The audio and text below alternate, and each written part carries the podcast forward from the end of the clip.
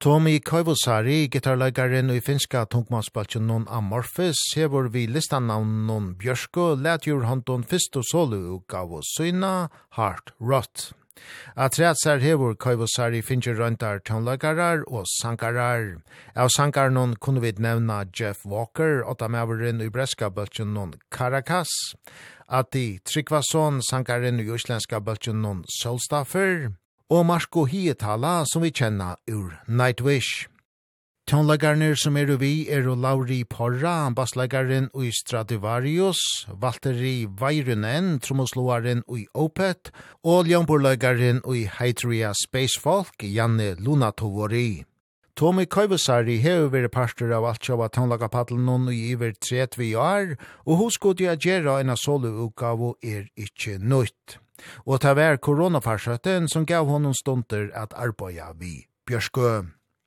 Well, I've been saying this, like, thinking it 15 years, but, uh, and uh, I have had, like, some song ideas in my hard drive, and, like, I never finished them, but, of course, when the COVID time hit, and uh, we did, we had to cancel, like, 150 shows, and had lot, nothing to do, and we were isolated, and I was uh, like staying in my uh cabin in like middle of the forest with the home studio. So uh I just started to check what I have like some I old ideas and also do some new ideas. And so finally I have like the time to concentrate that. And uh, it started like a snowball and uh, I just started to check things and uh, I didn't have a vision to put it out or anything. But then I started to ask from the singers. And at that point I was forced to put it out like in a way or, or another but I didn't have any pressure because I didn't have a record company at that time so I made it like finish the whole package and mixing and everything and after that I started to search if somebody wants to put it out or not So this is a, a positive thing uh, that came out of of of corona Well, yeah, if, yeah, I have to look at it that way. Yeah, yeah. There was a at when it started I I was like secretly a little bit happy because we had so much touring before that and that was like I, I didn't know obviously. Nobody knew that it will last like 2 years or something. So I thought like okay a couple of months we had to cancel like few shows. I was like okay what can I do? And let's take it as a holiday. But then it just continued and continued. And it started to piss piss us off of, of course but we did a amorphous album at that time and when we did that uh it still was continuing and uh, uh somehow i felt like very inspired like to do music because of not having gigs every every single evening so uh it felt like good from the uh, after like long time so that was a good part and i'm happy that i made something useful at the time not just lying in a sofa or something like this. I did that as well. Something else. Yeah.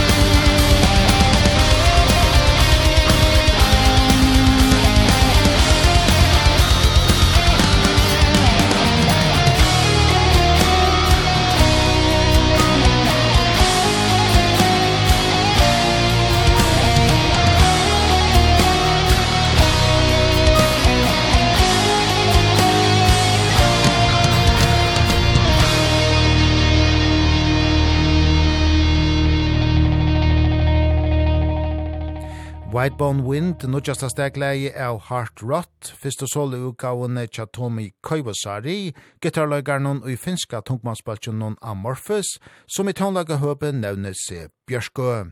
Som gestasangarar har du vid Marsko Hietala, som har drutt tøyarskøyver limer i Nightwish, og Petronello Nettermalm, åtta kvinna i svenska baltjonon Patos. Vi tåsa i kvöld vi just Tomi Koivosari, alias Bjørskø. And, and what, what is inspiring you when you write music? I think it's the it sounds cliche but it's the nature like it's the if I'm like uh, like now in Helsinki it's different than when I'm like in countryside and uh, it's like totally silence and just the sounds of nature and uh, I think that that's the like uh, best place to get inspired.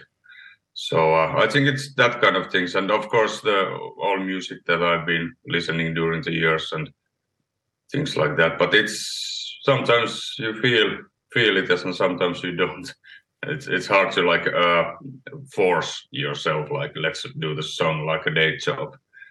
Uh some some people can do it but I can't. I'm very like uh, slow making music and I I'm just like just getting stuck to certain place and just like cannot get over it. And then I fed up for the whole thing and I just throw the to wait like a little bit time and then I go back to that and uh, then it sounds like okay it's okay anyway so it's like that with me but uh, I'm very slow And and it's a very variated album and the songs are very different from each other. Um, were you completely open in the relation to the songs that were to be included in on the album? When I was first time started to think like releasing like own album someday, I was thinking that it should be like uh, like one style or like like a band you know like a certain genre to put it. But uh I couldn't agree with myself like with with kind of stuff should it be. I mean I have so much song song ideas.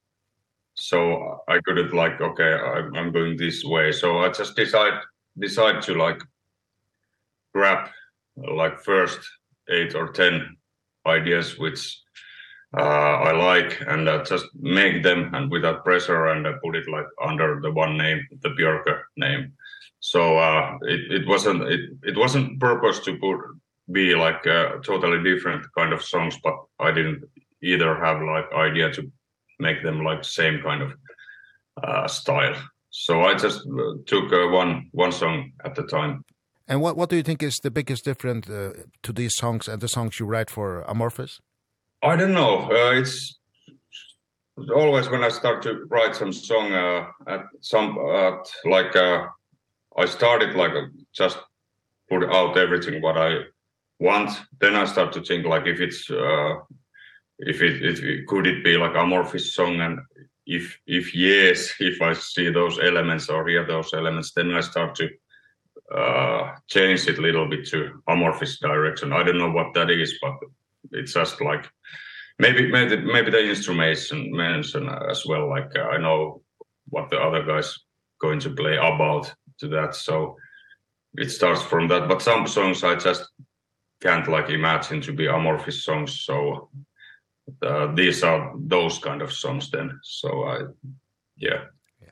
there is some elements like which I think uh, with amorphous we could uh, we should like compromise quite much to have it like amorphous song. But uh, there is a couple of songs which maybe could could be amorphous songs, but uh, they are not. well, it's your own song, and the other, other members do not have any anything to do, yeah, with, with the songs.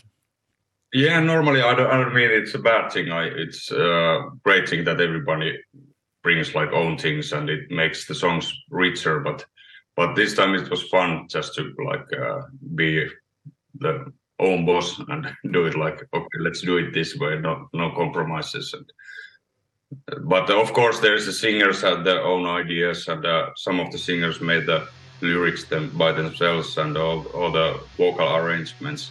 So it's not completely like my vision of course. So and uh, of course I gave quite uh, free hands to uh, band the players as well. So uh, I was like trusting them musically so I didn't want to like uh, say like oh no no no play bum bum bum bum bum. If there's like good bass player don't I just play said that uh, don't play like I did.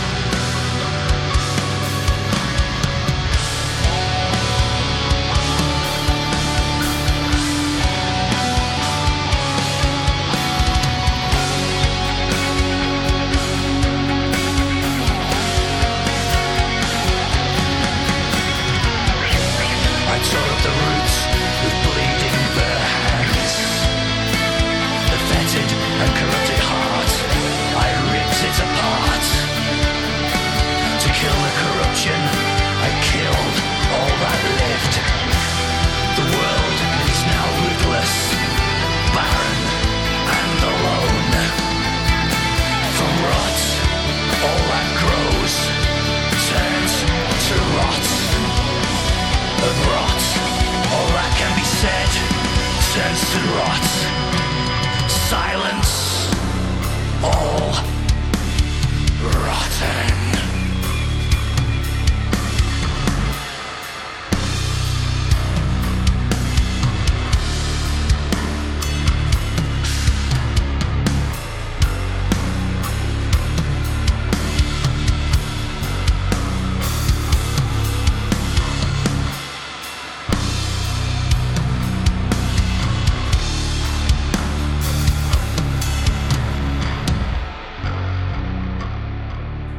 Heartroot Rots, fyrsta stegleie av Heart Rot, fyrsta solo utgavene Chatomi Koivosari, gitarløygarnon i finska tungmannsbaltjen non Amorphis, etla Bjørsku som han nevner seg som solistor, En utgava som var tøk fyrsta desember.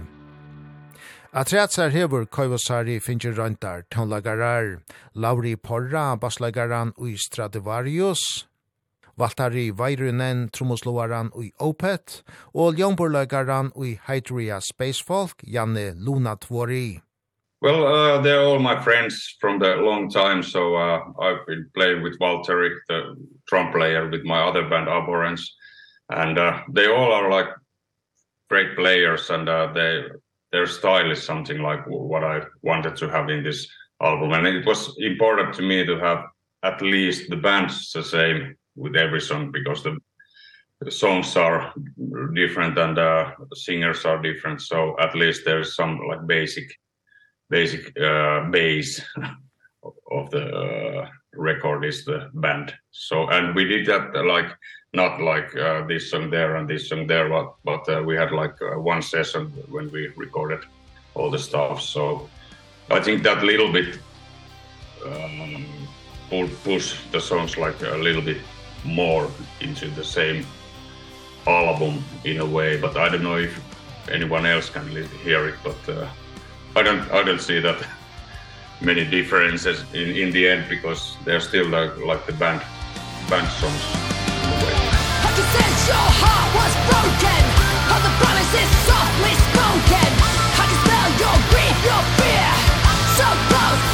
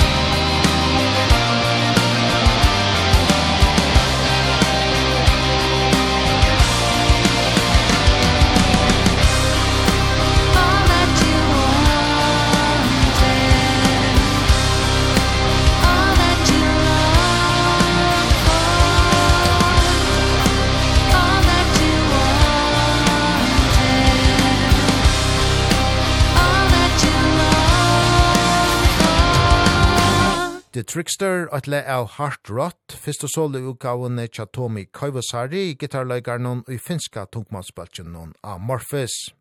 Som solister nevner han seg Bjørsko, og utgavan var tog 1. desember. Som gestasangara har du vid Jesse Frey, som er kjent som åtta kvinna i finska tungmannsbaltjen noen Velkra. Og til er en rikve av gestasangaren vi av Hard Rot. Vi tar av hørt Marko Hietala, Petronello Nettermalm, Jeff Walker og Jesse Frey. Av øren sankaron kunne vi nevna Atta Tryggvason, åtta mannen og islenska non Solstaffer, Tommy Jutsen, som Tommy Koivosari daglige spiller saman vi ui Amorphis, finska rapparan Mariska og legendariska finska sankaran Ismo Alanko. Og etter er og i høvesøyden sankarner Tommy Koivosari realistisk seg vil de hava vi av ukaona. Well, that was like pure intuition uh, as well. Like uh, when I, as I said, I was working with each song like very long hours, and uh, it started to like grow in my head, like what kind of uh, singing singing I can hear here, and uh, so like basically the first who came to my mind, and I was happy it wasn't like Bruce Dickinson because we obviously. Have something else to do or or what else Dave Gilmore or anything like that. So it was still like my head was intuition kept it like uh certain level. So I knew all the all the singers in some way or uh, not, not everyone but uh, I like met them. So that was the idea. And then was just sending message if you're interested to being part of this and sending a song and uh, almost every who I asked was like into actually one couldn't do it because of the time schedules but every other said yes so I was very glad for that. And you you were a great singer by yourself but did you not were there no idea that you should sing uh, on the album or? Yeah there is a couple yeah there's one song I sing with Tommy Joutsen amorphous singer like uh, beautiful duet. But it's uh, uh it's doesn't feel, feel that good to me anymore like that. But I do that in live as well in a few songs, but I couldn't do the whole songs. I, my throat would be in, in a fire. So.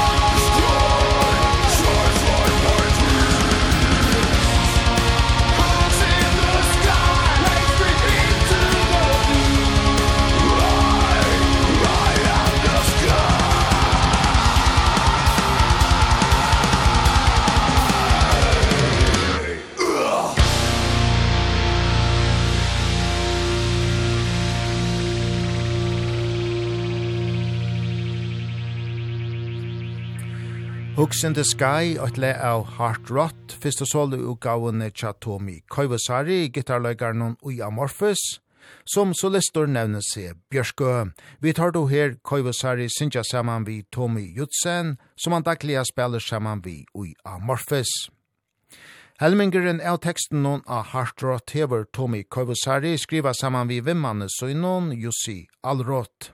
hin helten er skriva vår av Sankarnon som sinja, middelen anna er teksteren tja Atta Tryggvasine veka loka av Uslenskon. Uh, first I was uh, asking Jussi, old friend uh, and uh, bass player of Abhorrence to if he's interested to write lyrics because uh, I cannot do that. Uh, So uh, we just like chat and listen to the instrumental versions of the songs and uh, I told him like what what kind of feeling I have in this song and blah blah blah and we were like uh, like just having a conversation about that and uh, ba based on that he was writing the lyrics and uh, I did he think a uh, great job. I think he like he did more than I was even imagining but uh, then uh, with every singer I was offering as well the chance like having our made or uses made lyrics or write their own.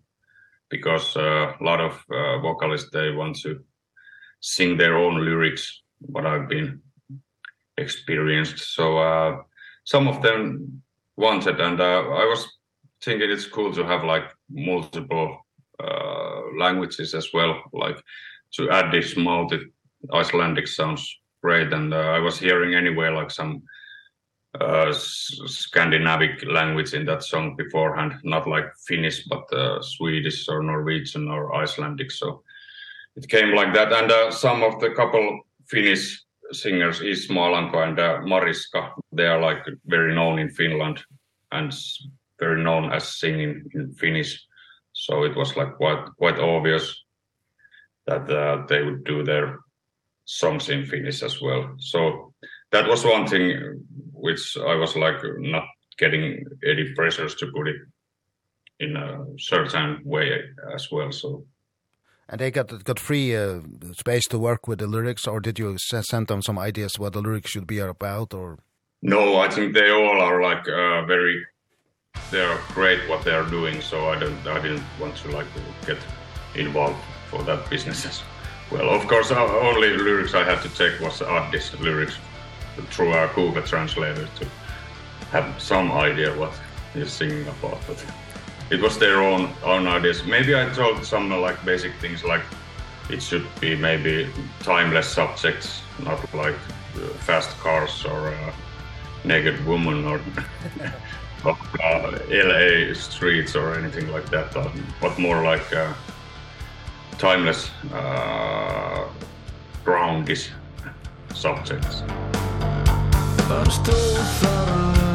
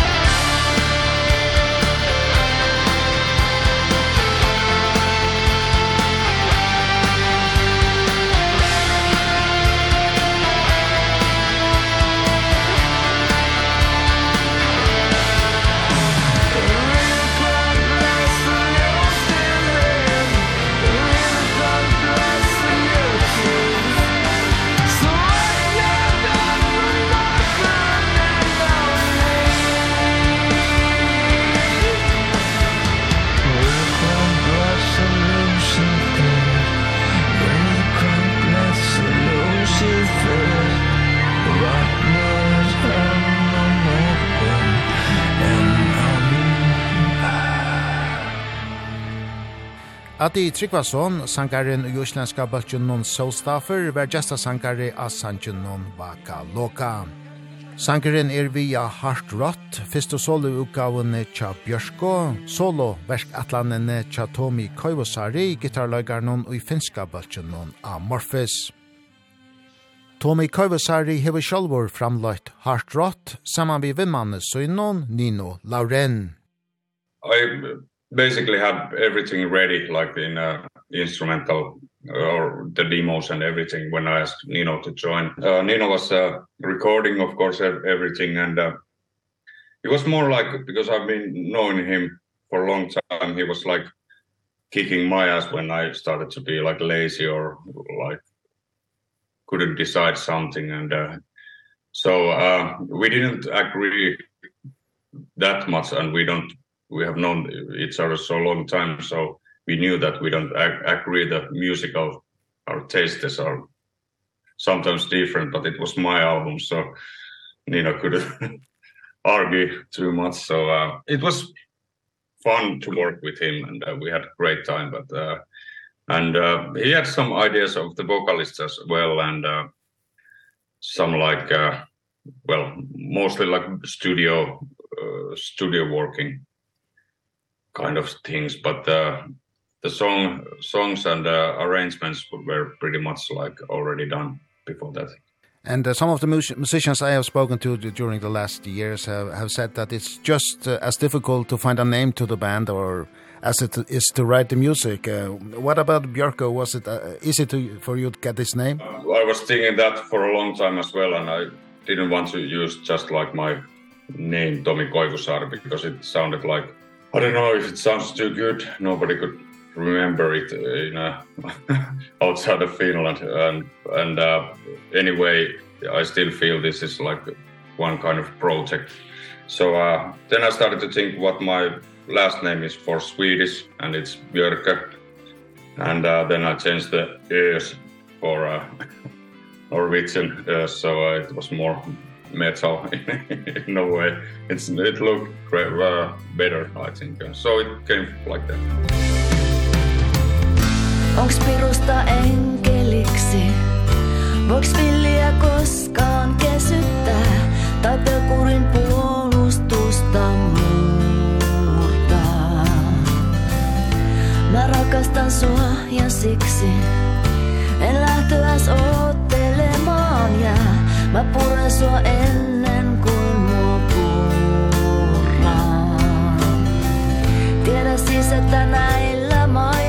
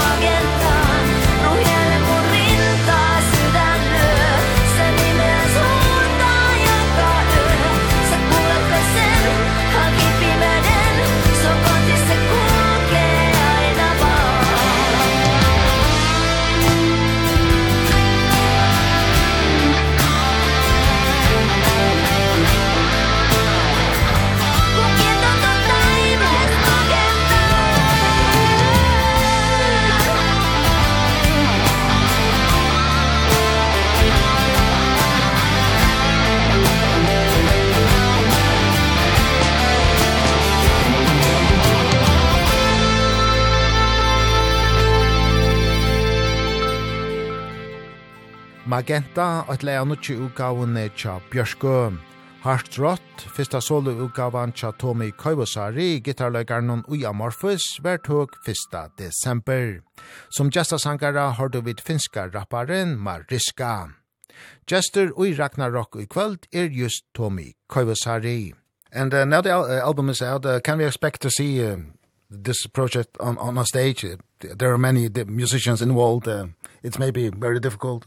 Mm, yeah, in theory it could could be possible because uh, all the we could play that stuff on live and but uh, as you said uh, everyone are quite busy so it would be quite impossible to get everyone like same day to same place but uh, never say never. If some like one gig would be great to have but uh, yeah that's what we've been thinking with the band members like we tried actually have one one gig for next summer but it uh between the band it it was like impossible already so couldn't even go to the uh, moment that asked to singers. So uh, i don't know. Never say never but yeah. unlikely. Yeah. And what about a a second album maybe?